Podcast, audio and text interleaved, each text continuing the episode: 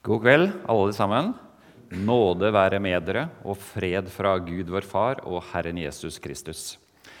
Det er en hilsen Paulus brukte veldig mye, og som også sies i mange kirker rundt om i hele verden. Og det er veldig flott å ønske hverandre det. Nåde.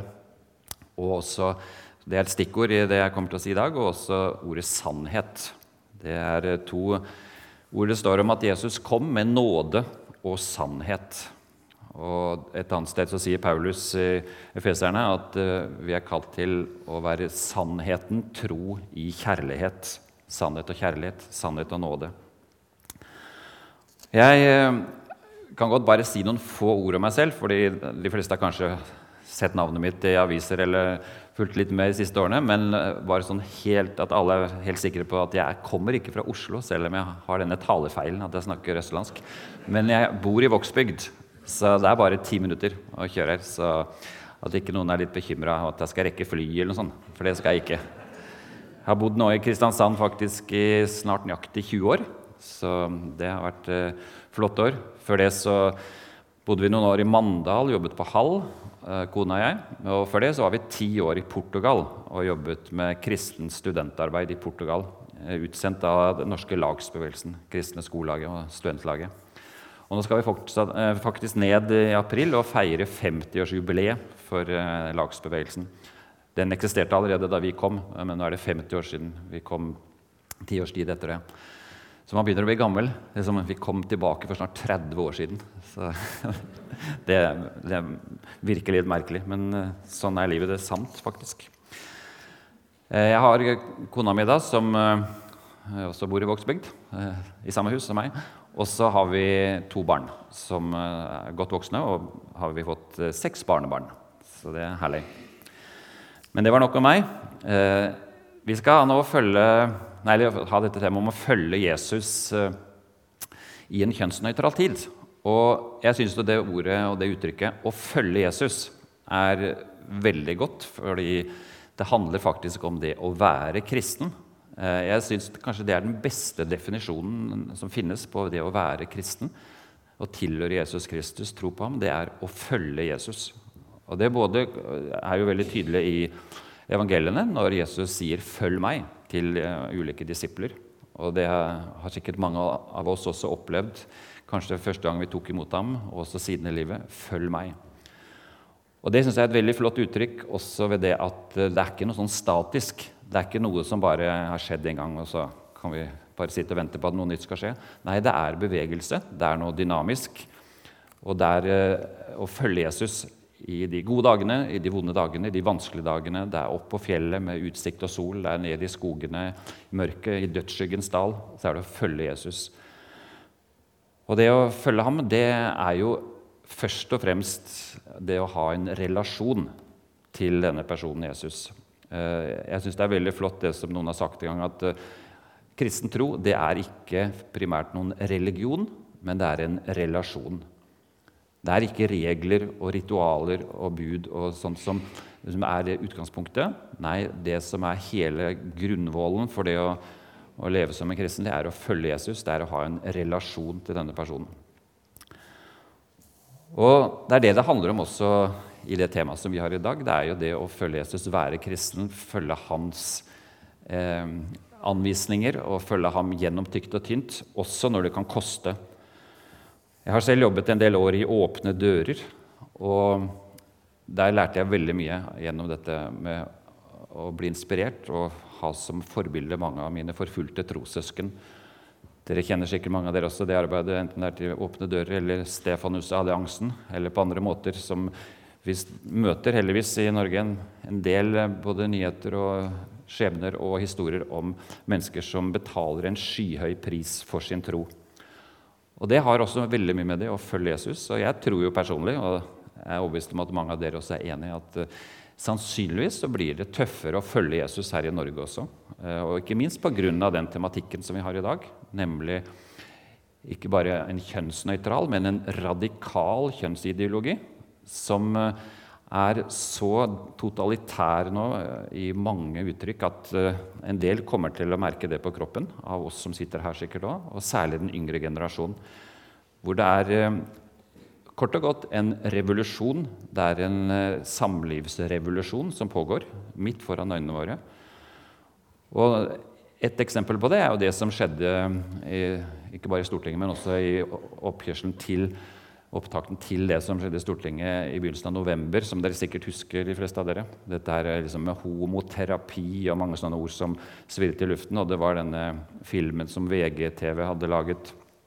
Og det, på en måte så var det utrolig manipulerende, fordi det som var, det var snakk om, var jo 20 forslag fra Miljøpartiet De Grønne og Arbeiderpartiet om å styrke LHBT-politikken, styrke Foreningen Fris innflytelse i alle samfunnslag, og ikke minst i skole og helsevesen og i, lærerutdanningen osv. Jeg har eh, et ark her med de 20 forslagene som også ligger på nettet, eh, både på stortinget.no, men også på Mor, far, barn og andre steder. Og hvor det er veldig tydelig at eh, vi er ikke kommet til veis ende. Det er langt igjen før eh, både mange politikere og Foreningen FRI og alle sympatisører har lyktes med det som er målet, nemlig å relativisere fullstendig hele samlivsetikken. hvor Det ikke, altså det er sånn allerede nå i hodet og tankene og, og kommunikasjonen hos mange. og Foreningen FRI er jo den fremste representanten, men de har jo veldig mange politikere med seg så mener de at det finnes ikke noe rett og galt innen samlivsetikk, innen seksualetikk, så lenge det er frivillig. Hvis det er frivillig, så er alt like bra. Kort og godt. Alt er like bra. Og Bare det i seg selv det viser jo oss som kristne at her er det frontkollisjon eh, totalt. For vi har mange eh, retningslinjer og bud, og vi har masse flott som vi står for når det gjelder disse temaene. Men eh, det er eh, kulturkollisjon som allerede eksisterer, men som jeg er helt overbevist om det vil bli mer av i, i årene framover. Jeg har lyst til da å eh, bare åpne nå med tank, sånn, tankene våre på at dette handler om noe mye, mye mer enn homofili. Det er fortsatt en sånn bagatellisering og overfladiskhet hos mange som tror at dette dreier seg om homofili. Nei, det er bare en liten del av det. Det er på en måte toppen av isfjellet. Det er masse som ikke handler om det, og som fører til et helt nytt menneskesyn, og ikke minst syn på barnet og hvem som er foreldre osv. Jeg har lyst til å gi dere noen, noen, spørsmål som eh, jeg ikke skal gi svar på. Men det som er interessant er at de fleste nå tenker jo helt motsatt av det de ville svart for 20 år siden her i Norge. Ja, Om ikke de fleste, så fall veldig mange. Og ikke minst eh, barn og ungdom eh, blir jo nå på mange måter eh, indoktrinert i skoleverket helt fra barnehagen i å tenke helt nytt, helt revolusjonerende i forhold til det vi og Bibelen forteller oss om disse temaene. Første spørsmål er hva er egentlig ekteskapet? Er ekteskapet Guds skaperordning for én mann og én kvinne? Eller er ekteskapet en menneskelig oppfinnelse som vi står fritt til å definere som vi vil? Har barn rett til å kjenne sin egen mor og far og deres slekt? Eller har biologiske foreldre og slekt ingen betydning? Er planlagt farløshet og morløshet i strid med Guds vilje? Eller er to mammaer eller to pappaer like greit? Ja, er far overflødig? Er samliv og ekteskap bare for to personer? Eller er tre eller fire personer like bra? Hvorfor? Hvorfor ikke? Er kjønn avhengig av hva vi føler?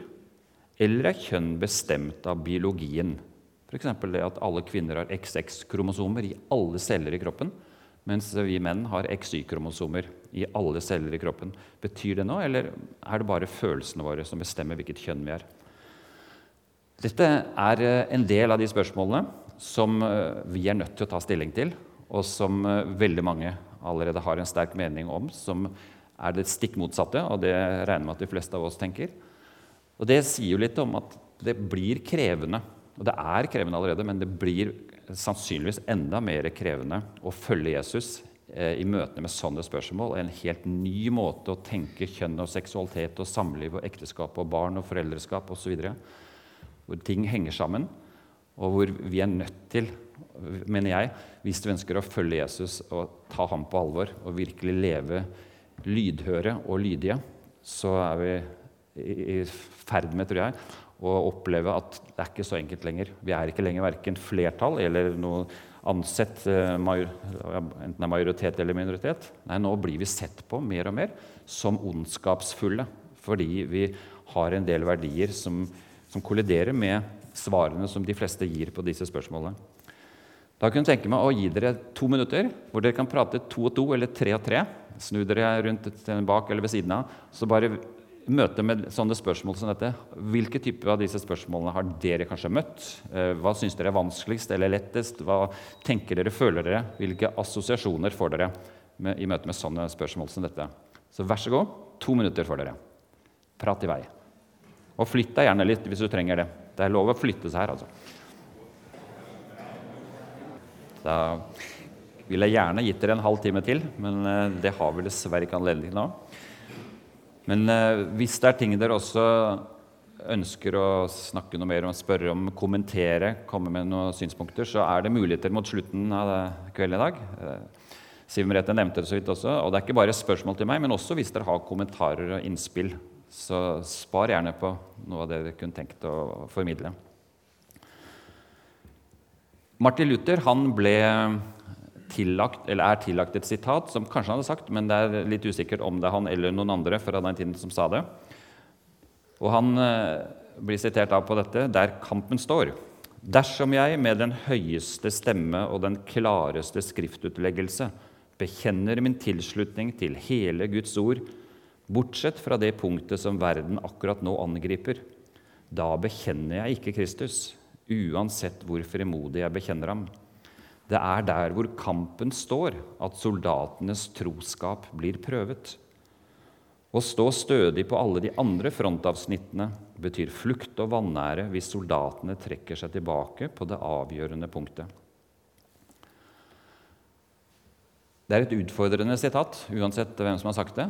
Det er der hvor kampen står, at soldatenes troskap blir prøvet.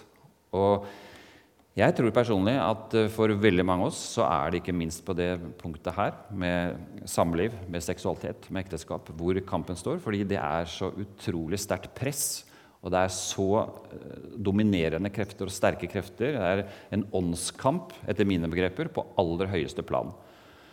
Og det er som en eh, amerikansk filosof, en kristen amerikansk filosof sa for noen år siden, allerede for over ti år siden, at hvis vi skal definere forskjellige sånne kulturkamper i samfunnet, og han tenkte da ikke minst på USA, så er sannsynligvis dette den viktigste av alle kamper, fordi den angår hvert eneste menneske, hver eneste familie. Og den kommer til å omforme eh, samfunnet vårt hvis det går den veien det så ut da, og som vi nå ser enda mer at det, det utvikler seg. Fordi dette er ikke noe som noen driver på med sånn for seg selv, og noen syns det er greit at de lever på en annen måte. Nei, nå er det jo sånn at det skal presses ned i hvert eneste, eh, hvert eneste klasserom, i hver eneste barnehageklasse. Det er ikke der ennå, men det er på vei dit. Fordi det er ikke lenger eh, akseptabelt å mene at ekteskapet er for mann og kvinne. At barn har rett på sin mor og far. At kjønn er noe som er bestemt av eh, biologien. Alt dette er i fri flyt. Og hvis vi er imot det, så er vi bare så intolerante, vi er så gammeldagse og middelalderske og fordømmende og så mørke menn at det er ikke grenser. Og sånne skjellsord, det tror jeg bare vi ja, må venne oss til at det får vi høre innimellom.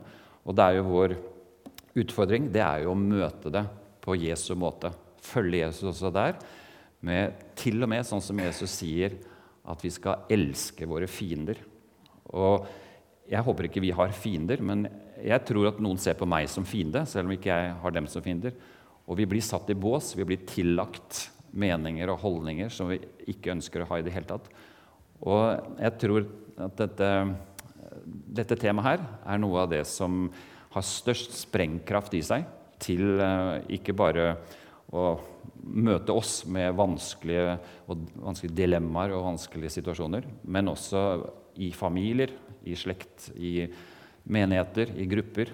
Og Derfor så er det veldig veldig trist, og det er noe av det vi morfar og barn snakker en del om, og jeg snakker ofte med folk om det, at vi må bryte tausheten som eksisterer i kristne sammenhenger på dette området, på dette temaet.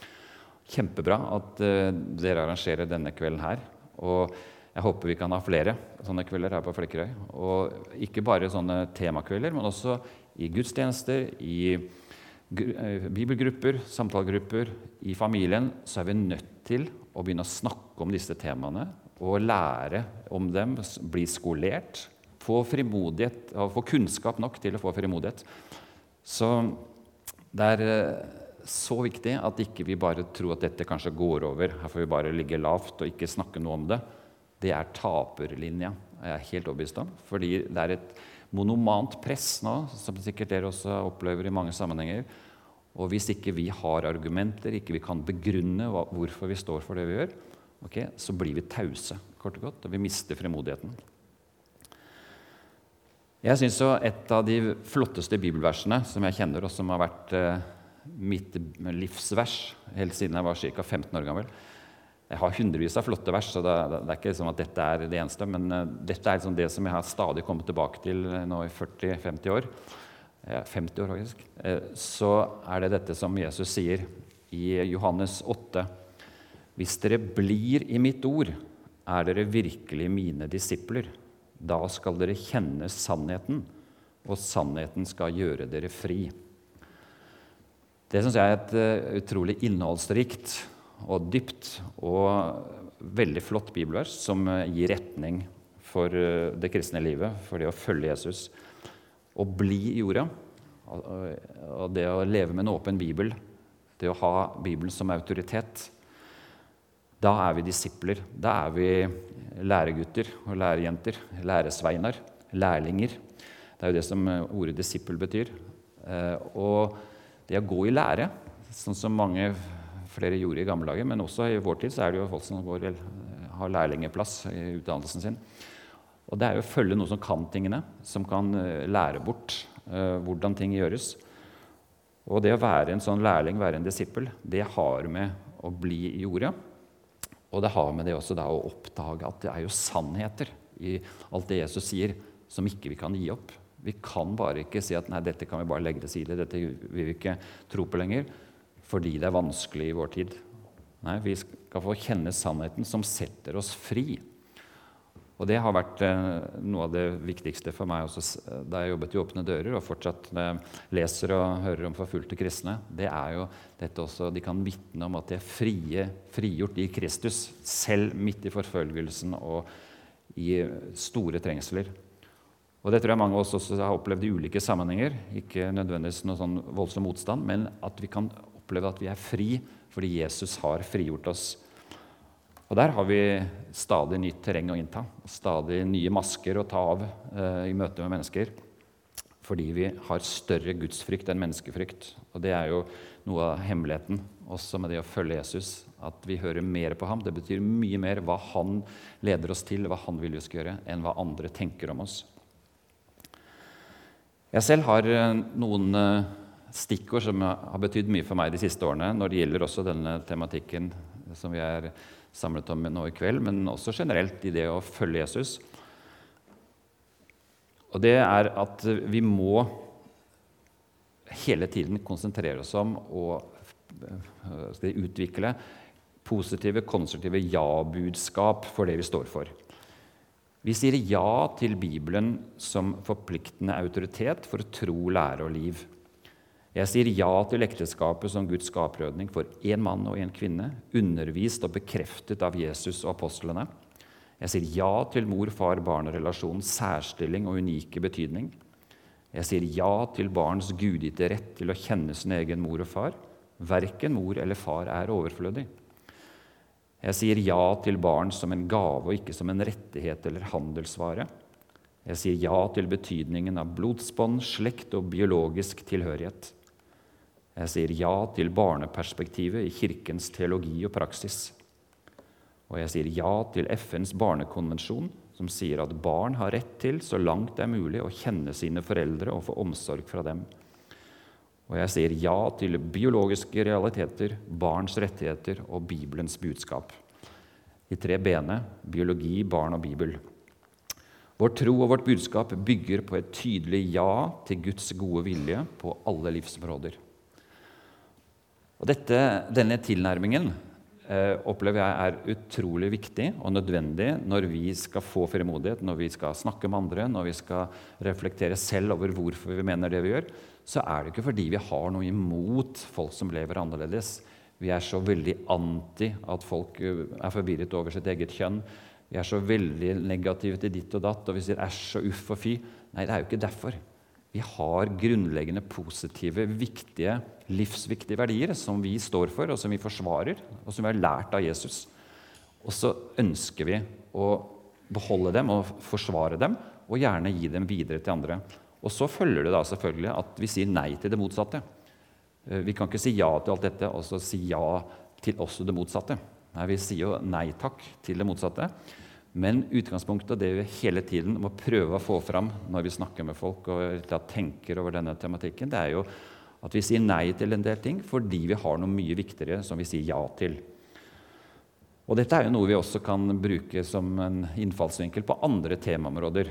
Hvorfor mener jeg det jeg gjør? Hvorfor står jeg for det jeg gjør? Jo, fordi jeg har et ja-budskap i bunnen. Og det er vel verdt å tenke over og be over og skrive ned og virkelig få det under huden. Sånn at ikke jeg må hjem og lese hvis det er en samtale. Ja, det, jeg har noen gode punkter, men jeg husker dem dessverre ikke. Vi er nødt til å investere tid og krefter i, på flere temaområder, men ikke minst på dette, for å ha fremodighet til å møte folk og ikke alltid gå med sånn ekkel følelse inni oss at jeg vet ikke nok og jeg er litt dum og jeg tør ikke å si noe. og Jeg håper ikke de temaene kommer opp. Så hvis du vil eh, deg selv vel, og ikke selvpine deg selv i mange år framover, så lønner det seg virkelig å, å, jobbe med denne tematikken. Og da har jeg et uh, veldig godt uh, råd i dag. Og det er for det første at ut, ikke ute, men her bakerst ved det ressurssporet, der ligger det ti forskjellige brosjyrer, sånne temabrosjyrer, som inneholder veldig mye konsentrert eh, stoff. Mange av Dere har sikkert sett en del av dem i sånne helsides avisannonser, i informasjonsannonser eh, i Vårt Land og Dagen og Norge i dag de siste årene. Men dette er særtrykk av dem. Og med, mange av dem har også noe i tillegg som ikke har stått i avisen, nemlig spørsmål til samtale nederst. Så disse kan brukes i familien, i samtalegrupper, eh, hvor som helst. Og jeg hørte en som hadde brukt det med noen venner som ikke er kristne. Og hun sa det at de er jo nesten enige med alle sammen.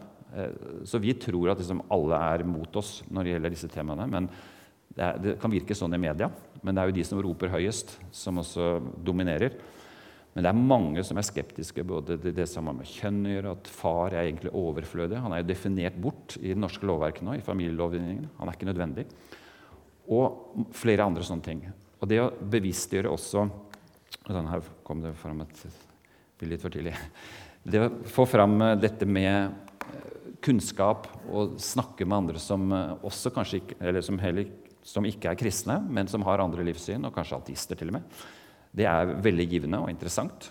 Og vi kan bety mye, ikke bare for våre kristne brødre og søstre, for våre egne barn og barnebarn, men også for andre, når vi bare har den tilliten til oss selv at vi har noe kunnskap, vi har noe å stå for som vi er stolt av, glad for, og som vi ikke er flau for. Dette bildet her, som eh, da kommer med tre punkter, som er også en del av det budskapet vi stadig må understreke overfor folk, det er jo at alle er skapt og elsket av Gud. Alle mennesker er skapt av Gud og har samme verdi og menneskeverd. Vi er alle høyt elsket av Ham. Men vi lever etter syndefallet preget av syndens konsekvenser. Vi lever i en ufullkommen verden. Men alle er jo skapt i Guds bilde, uansett om man er skapt med funksjonshemning, om man er født på en eller annen måte som ikke er det som Gud hadde tenkt opprinnelig. Men syndens konsekvenser har jo ført til at folk kan bli født enten det er med, uten armer, uten bein, de kan være psykisk utviklingshemmet, de kan være sterkt begrenset på mange måter, men de er skapt i Guds bilde like mye. Og det er det som er så stort, som er det kristne menneskesynet, som jo er enestående nesten i verden, men som mange tror er noe selvfølgelig. Men det er jo restene av den kristne arven som, som fortsatt de fleste politikere i Norge mener er veldig viktig. Men som om det liksom bare henger i luften. Nei, det kommer jo fra Jesu egen undervisning og fra Bibelens lære. Men mange tror at vi tenker om oss selv at vi er bedre enn andre. Vi liksom tror på Jesus, og vi eh, er liksom hevet over de andre. Og at vi ser ned på dem. Og Da må vi bare stadig understreke at det er ikke sant. De er akkurat like verdifulle som oss. De er akkurat samme menneskeverd uansett hva de tenker og føler, og hvordan de lever. Og vi er kalt til nestekjærlighet, til å møte alle mennesker med Jesu kjærlighet i ord, holdninger og handlinger. Uansett hvem de er. Og I den sammenheng så har jeg lyst til å si også at det er jo utrolig viktig å skjelne mellom sak og person, mellom individ og ideologi. Og vi skal jo møte alle, uansett eh, hvor mye de kolliderer med sine meninger og livsførsel i forhold til det vi mener er rett. Så skal vi møte mennesker med verdighet, med respekt, med vennlighet. Men samtidig så, så må vi forsvare det vi står for når det gjelder det ideologiske, når det gjelder tankene, når det gjelder meningene som kan ligge i bunnen på, på disse menneskene som, som, vi er dypt uenige med. Og Det er det, det, som også har med nåde og sannhet å gjøre. Og Det er det siste punktet her. Nåde og sannhet. Begge deler er nødvendig og bibelsk. Ikke bare nåde eller bare sannhet. Det er som to vinger på et fly, to årer i en båt eller to togskinner. Begge er viktige og unnværlige. Og det er sånn som en har sagt, at eh, det er å bygge broer av nåde. Bygge broer av tillit, av respekt, av vennlighet. Og så er det å trekke grenser av sannhet. Vi er nødt til å stå for noe hvis vi følger Jesus. Vi kan ikke si at alt er likegyldig, alt er like bra. Relativismen lenge leve. Det er ikke den holdningen vi har som kristne. Og Derfor må vi trekke grenser av sannhet og si at dette tror jeg, det kan jeg ikke oppgi. Det er å svikte det jeg tror på, på han jeg tror på, min frelser. Men jeg vil veldig gjerne ha en god relasjon med deg. Uh, altså i det bildet. Bygge bro. Jeg vil gjerne være din venn og din gode nabo. og Jeg håper vi kan ha en god relasjon, selv om vi kan være dypt uenige. Også på noen sånne temaer som dette med samliv. Og det har med at uh, vi lever i dette med nåde og sannhet samtidig. Ikke bare nåde hvor vi blir relativister, og ikke bare sannhet hvor vi er så gira helt inn på at vi har rett, og at Jesus har rett, og at vi blir harde og kanskje fordømmende. Så jeg føler det er kanskje noe av det, det aller viktigste eh, når det gjelder å følge Jesus på dette temaområdet og på mange andre. Det er dette ordparet nåde og sannhet.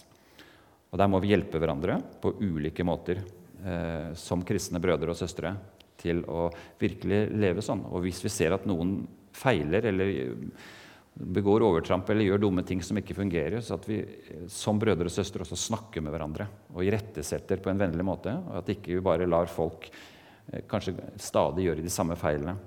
For det er både nåde og sannhet. Og jeg tenker jo sånn også at Når det gjelder de helt nære relasjoner også Hvis noen av dere kanskje har ja, til og med barn eller nevøer eller hvem som helst uh, som f.eks. har homofile følelser eller biseksuelle følelser, eller som er i ferd med å prøve å skifte kjønn, eller sånn, så skal vi møte det med masse nåde. Og jo nærere relasjonen er, tenker jeg, jo mer nåde må vi møte. Og inngå kompromisser med kanskje vår egen overbevisning, fordi dette er folk vi skal leve sammen kanskje og ha relasjon til i 40 år til, resten av livet. Og Da må vi kanskje strekke oss, men samtidig være veldig tydelige på at dette er ikke noe jeg syns er greit. Dette er eh, noe jeg mener er synd. Eh, men samtidig så ønsker jeg Jeg elsker deg, jeg er glad i deg, jeg vil gjerne beholde relasjonen. Og Som f.eks. noen spør stadig vekk også Sikkert dere har spurt hverandre også, noen av dere. Eh, hvis det er noen som inviterer meg til sånn et likekjønnet bryllup, med to av samme kjønn som skal gifte seg. Er, det noe jeg bør gå på, eller bør jeg la være? Og Der finnes det ikke noe fasitsvar eh, i det hele tatt. Eh, det er så avhengig av hva slags type relasjon det er, hvilken, eh, hvilken type slektskap du har med en person, hvor nær vedkommende er, hvor lenge du regner med at den personen skal være i ditt liv. Men så har det også mye med hvor mye har vi prata om dette på forhånd, og hvor mye har jeg fått eh, vært nær denne personen. Og jeg tror eh, at her er det mange forskjellige løsninger, og da er det så viktig at ikke vi heller dømmer hverandre. At, og du, du gjorde noe helt feil hvis du gjorde det på den måten. Eh, du gjorde helt feil. at Der må vi virkelig komme altså, til eh, overbevisninger hver for oss, men i samtale og dialog tenker jeg også med hverandre, og gjerne snakke med andre venner og andre kristne brødre og søstre. Og ikke minst snakke med dem det gjelder. spør meg, Hvis du hadde vært meg, eh, du vet at jeg syns dette er problematisk, hva ville du gjort? og hva vil, Hvordan tenker du hvis jeg kommer i bryllup i kirka, men ikke på festen, eller motsatt? Eller hvis ikke jeg kommer i det hele tatt, så videre. Ha en så nær dialog som mulig med dem det gjelder. God stund i forveien, eh, hvis mulig. Dette var en liten eksemplifisering på dette med nåde og sannhet. For meg så er disse seks stikkordene på K veldig viktige. Eh, det ene det er kjærlighet, som jeg allerede har snakket litt om nå. Det å virkelig la nåde og sannhet, kjærlighet og sannhet være grunnleggende i livet mitt. Det med kallet vi har fått til å følge Jesus. Han kaller oss 'følg meg'. Og hva betyr det også på dette feltet, dette temaet? Og da gå i tro, gjøre ting som eh, jeg kanskje ikke vet resultatet av. Men i kjærlighet så ønsker jeg å følge Jesus og møte mine medmennesker med, med hans godhet og hans kjærlighet. Og så har det med konsekvenstenkning å gjøre. Vi må hver eneste dag så tenker vi konsekvenser. Og det må vi også på det feltet her, eh, som har med samliv å gjøre. Hvis vi eh, bagatelliserer og tenker at det er ikke så veldig viktig, det er egentlig bare litt sånn noen parentes i troslæren vår og i menneskelivet, så tror jeg vi må sette oss grundigere inn i sakene. Fordi konsekvensene er så store at de ja, de er bare overveldende hvis vi virkelig setter oss inn i hva det handler om. Og Derfor er kunnskap helt grunnleggende. Vi er nødt til å drive med litt egenopplæring og investere tid og krefter og noe penger i å skaffe oss mer kunnskap. Så ære være deg og dere som er her i kveld. Håper det gir noen av dere i hvert fall litt mer motivasjon til også å bruke tid og sette deg noen mål for hvordan kan jeg følge Jesus på det feltet her ved å bli trygg ved å være et godt vitne om Jesu, eh, Jesu, lære og Jesu ideologi, hvis vi sier det, eh, om ekteskap, om familie, om barn. Og så er det kamp. Det er faktisk en kamp. Eh, og det er ikke bare på dette feltet her, men altså, kristenlivet det er jo å ta på seg den fulle rustning, Guds fulle rustning, som Paulus snakker om. Det var ikke bare sånn søtt bilde som han fant opp. Nei, det var jo realiteter. Vi trenger både hjelmene, vi trenger brynjen, vi trenger belte, vi trenger eh, skoene, vi trenger sverdet, åndens sverd, og vi trenger skjoldet. Eh, og det er fordi vi står i en ånd, åndskamp på dette feltet, men også på mange andre, hvor det er mye fristelser. Vi har mammon, som ikke minst er en av de store fristelsene for oss kristne. Og hvor eh, norske kristne så Det bruker jeg ofte anledning til å nevne, og det er bare tragisk. Norske kristne i gjennomsnitt gir 2 de gir toende i stedet for tiende. Det sier litt om mammons makt også blant oss. Vi syns vi trenger 98 av inntekten vår på oss selv. Og så er tienden noe selvsagt eh, i Bibelen som vi også burde følge, tenker jeg. da. Så det er verdt å snakke om også, med hverandre og med ektefellen. Kraft får vi underveis. Vi får eh, kraft når vi vandrer med Jesus. Og jeg syns kraft på gresk, som Nytestamentet er skrevet på, er et veldig flott ord, for det er dynamis. Og det har med dynamitt å gjøre, med dynamisk, med dynamo.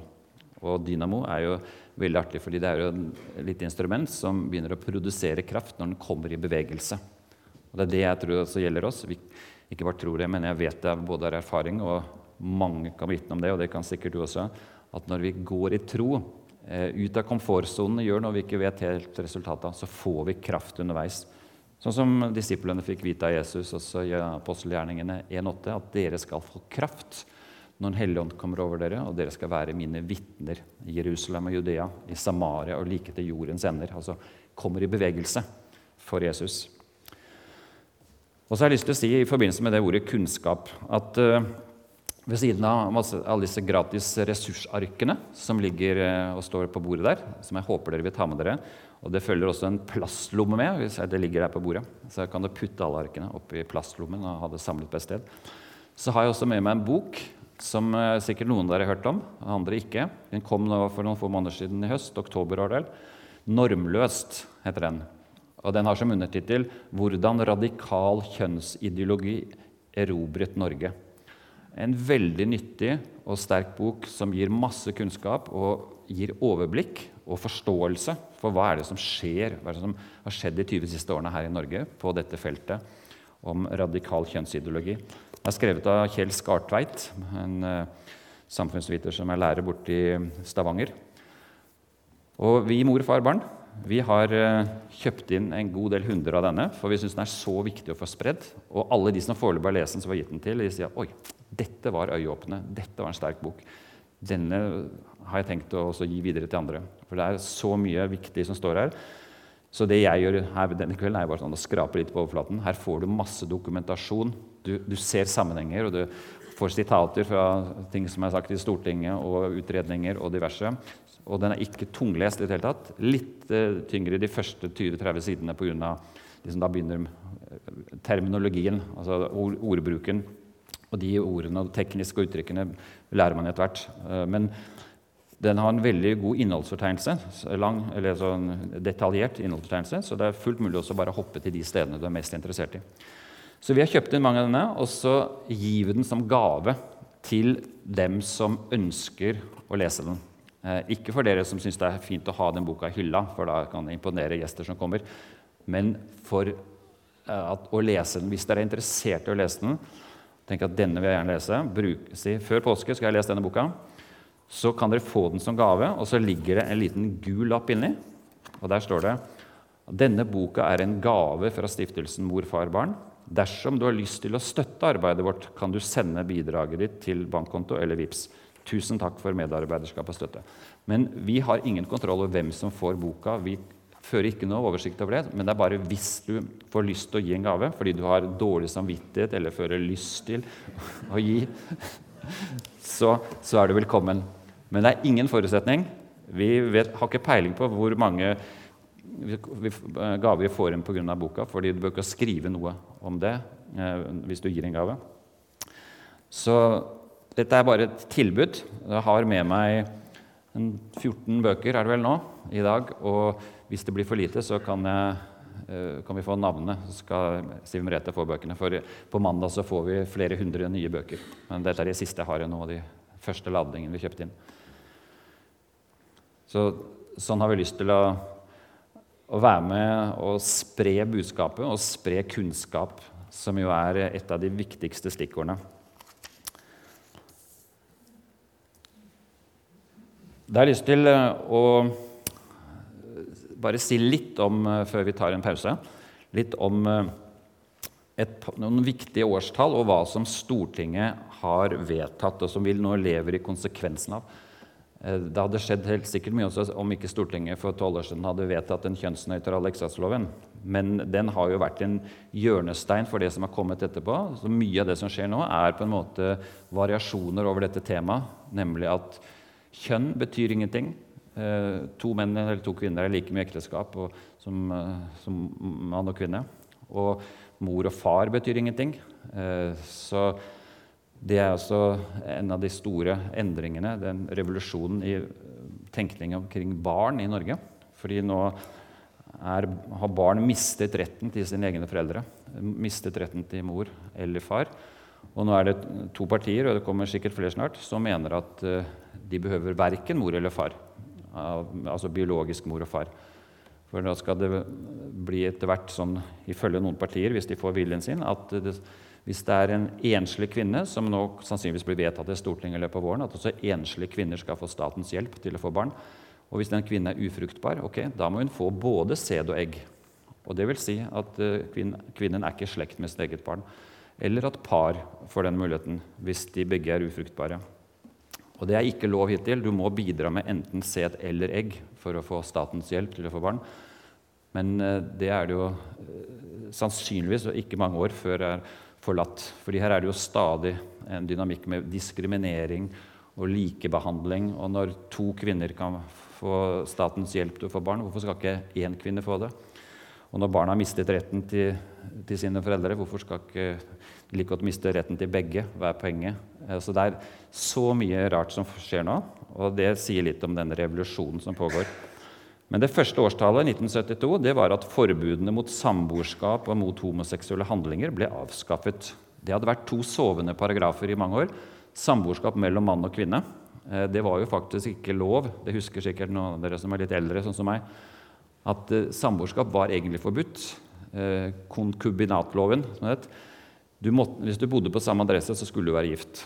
Det var masse folk som ikke gjorde det. Altså, det fikk ikke noen konsekvenser, for den var sovende i mange mange år. Så Derfor så mente jo mange også med rett at den kan like godt avskaffes, siden det, den virker jo ikke under loven. Og Det samme gjaldt da også homoseksuelle handlinger, som i loven eh, sto at det ikke var tillatt i Norge, men som heller ikke hadde vært anvendt på mange mange tiår. Men, eh, så dette var jo på en måte eh, noen symbolske eh, lovendringer. Men de fikk jo store konsekvenser etter hvert, for da var liksom den, det signalet fra samfunnet at samboerskap og homoseksuelle handlinger det er ikke noe særlig, særlig, bra, det var avskaffet. og Derfor så eksploderte det også med samboerskap. Og det ble mye mer åpenhet omkring dette med homofili og biseksualitet og andre varianter. Så i 1993 fikk vi partnerskapsloven for par av samme kjønn. Den ble innført. Og denne loven var nesten identisk med ekteskapsloven. Hovedforskjellen var at staten hjalp ikke likekjønnede par med å få barn. Men det endret seg da i 2008, da den kjønnsnøytrale ekteskapsloven ble vedtatt. Eh, to av samme kjønn kan gifte seg. Og Da fulgte det med som en del av denne pakken, for det var fem lover som ble endret på samme dag, og de hørte sammen fra regjeringen når det ble presentert i Stortinget. Det var ekteskapsloven, så var det bioteknologiloven, så var det barneloven, så var det adopsjonsloven, og så var det partnerskapsloven som ble avskaffet. Så dette var eh, noen viktige datoer. Og så kom det en viktig dato veldig nylig, 2016. Lov om endring av juridisk kjønn ble vedtatt. Og Det er altså det som mange ikke har oppdaget og forstått ennå. At i Norge så har vi en lov, det er snart fire år siden den ble vedtatt, som sier det at alle nordmenn kan endre kjønn hvis de føler for det. Så hvis du eh, har lyst til å skifte kjønn Du er mann, jeg kan snakke om meg selv. Hvis jeg har lyst til å skifte kjønn og vil bli kvinne, så kan jeg gjøre det, sitte hjemme i stua og sende inn et skjema som jeg printer ut fra Internett til folkeregisteret og si at jeg ønsker å bli kvinne. Juridisk kvinne. Og Da får jeg et brev tilbake med spørsmål fastholder du ønsket om å bli kvinne. Hvis jeg da svarer ja, så får jeg tilsendt nytt personnummer. Jeg kan gå på politistasjonen og få nytt pass. Og alle er forpliktet til å kalle meg noe kvinne, behandle meg som en kvinne. Og i prinsippet så har jeg lov til å bruke alle kvinnelige arenaer. Og til og med sånn som eh, Nå er mye diskusjon i idrett. Jeg kan konkurrere mot andre, mot andre kvinner, for er, nå er jeg blitt kvinne, altså. Så noe som er ganske spesielt, er jo at uh, de to siste årene så er det en canadier, eller australier kanskje var, en mann som nå er juridisk kvinne. Han har vunnet VM i innesykling for kvinner to år på rad. Og masse kvinner syns dette er fryktelig urettferdig. At han som mann, eh, men bare fordi han har skiftet juridisk kjønn, eh, får lov å konkurrere mot kvinner. Og I USA er det jo store diskusjoner mange steder, fordi det er mange universiteter og colleger som gir idrettsstipend til folk i videregående. Siste videregående kan søke om å få stipend til et universitet. Um, hvis de er gode i en idrett, så blir de med på det universitetslaget. Eller de konkurrerer på vegne av det universitetet gir ære til det studiestedet. Og nå er det stadig flere kvinner som mister den muligheten fordi det er menn som er blitt juridiske kvinner, som får de stipendene i stedet. Så her er det bare helt sånn eh, nærmest surrealistisk, det som foregår. Og det er jo fordi i denne loven som ble vedtatt av Stortinget med stort flertall, det var kun KrF og Senterpartiet som stemte imot Resten syns dette var veldig flott, at nå kan alle nordmenn bytte kjønn. Og Det sier jo litt om at uh, hele holdningen, og som nå blir mer og mer uh, befestet i lovverket og også i befolkningen og i, hos lærere og barnehagelærere, at kjønn det er ikke lenger bestemt av biologi. Kjønn er bestemt av følelser, kort og godt. Og Det er det Foreningen FRI står for. Eksempel. det ligger i navnet deres til og med. FRI, tankestrek, Foreningen for kjønns- og seksualitetsmangfold. Altså for kjønnsmangfold og seksualitetsmangfold. For det finnes mange kjønn. Og eh, kjønn det er ikke avhengig av biologi. Nei, det er avhengig av følelser. Og det finnes ikke bare to kjønn, fordi jeg føler meg kanskje en mellomting mellom mann og kvinne, og da er jeg det. hvis jeg føler det. Så her er det en revolusjon i måten å tenke kjønn på. og den fikk jo da en voldsom backing i at vi har faktisk en lov som sier at sånn er det. Og Det er, det er lovstridig, eh, hvis man skal ta dette bokstavelig. Og det er man nødt til etter hvert. så er det lovstridig å hevde at det finnes bare to kjønn, og at eh, det er galt å si at hvem som helst kan skifte kjønn. Det ønsker vi ikke. Da er man bare veldig fordømmende og middelaldersk. Og så I 2017 så omdefinerte da Den norske kirke ekteskapet og innførte kirkelig bryllup for to av samme kjønn, som vi alle vet. Da tror jeg vi tar en liten pause. Den er blitt eh, snart halv ni klokka, så da passer det. Og da gjør vi det sånn at uh, vi prøver oss på ca. ti minutter. For dette er ikke noe stort måltid. Så det går an å ta med seg en liten kjeks eller en kaffe, tekopp også på plassen hvis det er tillatt. Nei, det har jeg ikke spurt om, forresten. Men det ikke, må ikke søle. Det, det. Så det er ikke plaststoler her, så vær forsiktig. Og Da blir jeg stående her også ved det ressursbordet. Og da vil jeg anbefale å bruke anledningen til å kikke litt på disse ressursarkene og også denne boka. Og så ligger det et uh, rødt ark hvis noen vil være på mailinglista vår til mor, far, barn. Uh, den har ikke vært veldig oppegående i det siste, men nå er vi i ferd med å skulle oppgradere den. Og da får du av og til, et par ganger i semesteret kanskje, en uh, inspirasjons- og informasjonsmail. Vær så god, da er det pause.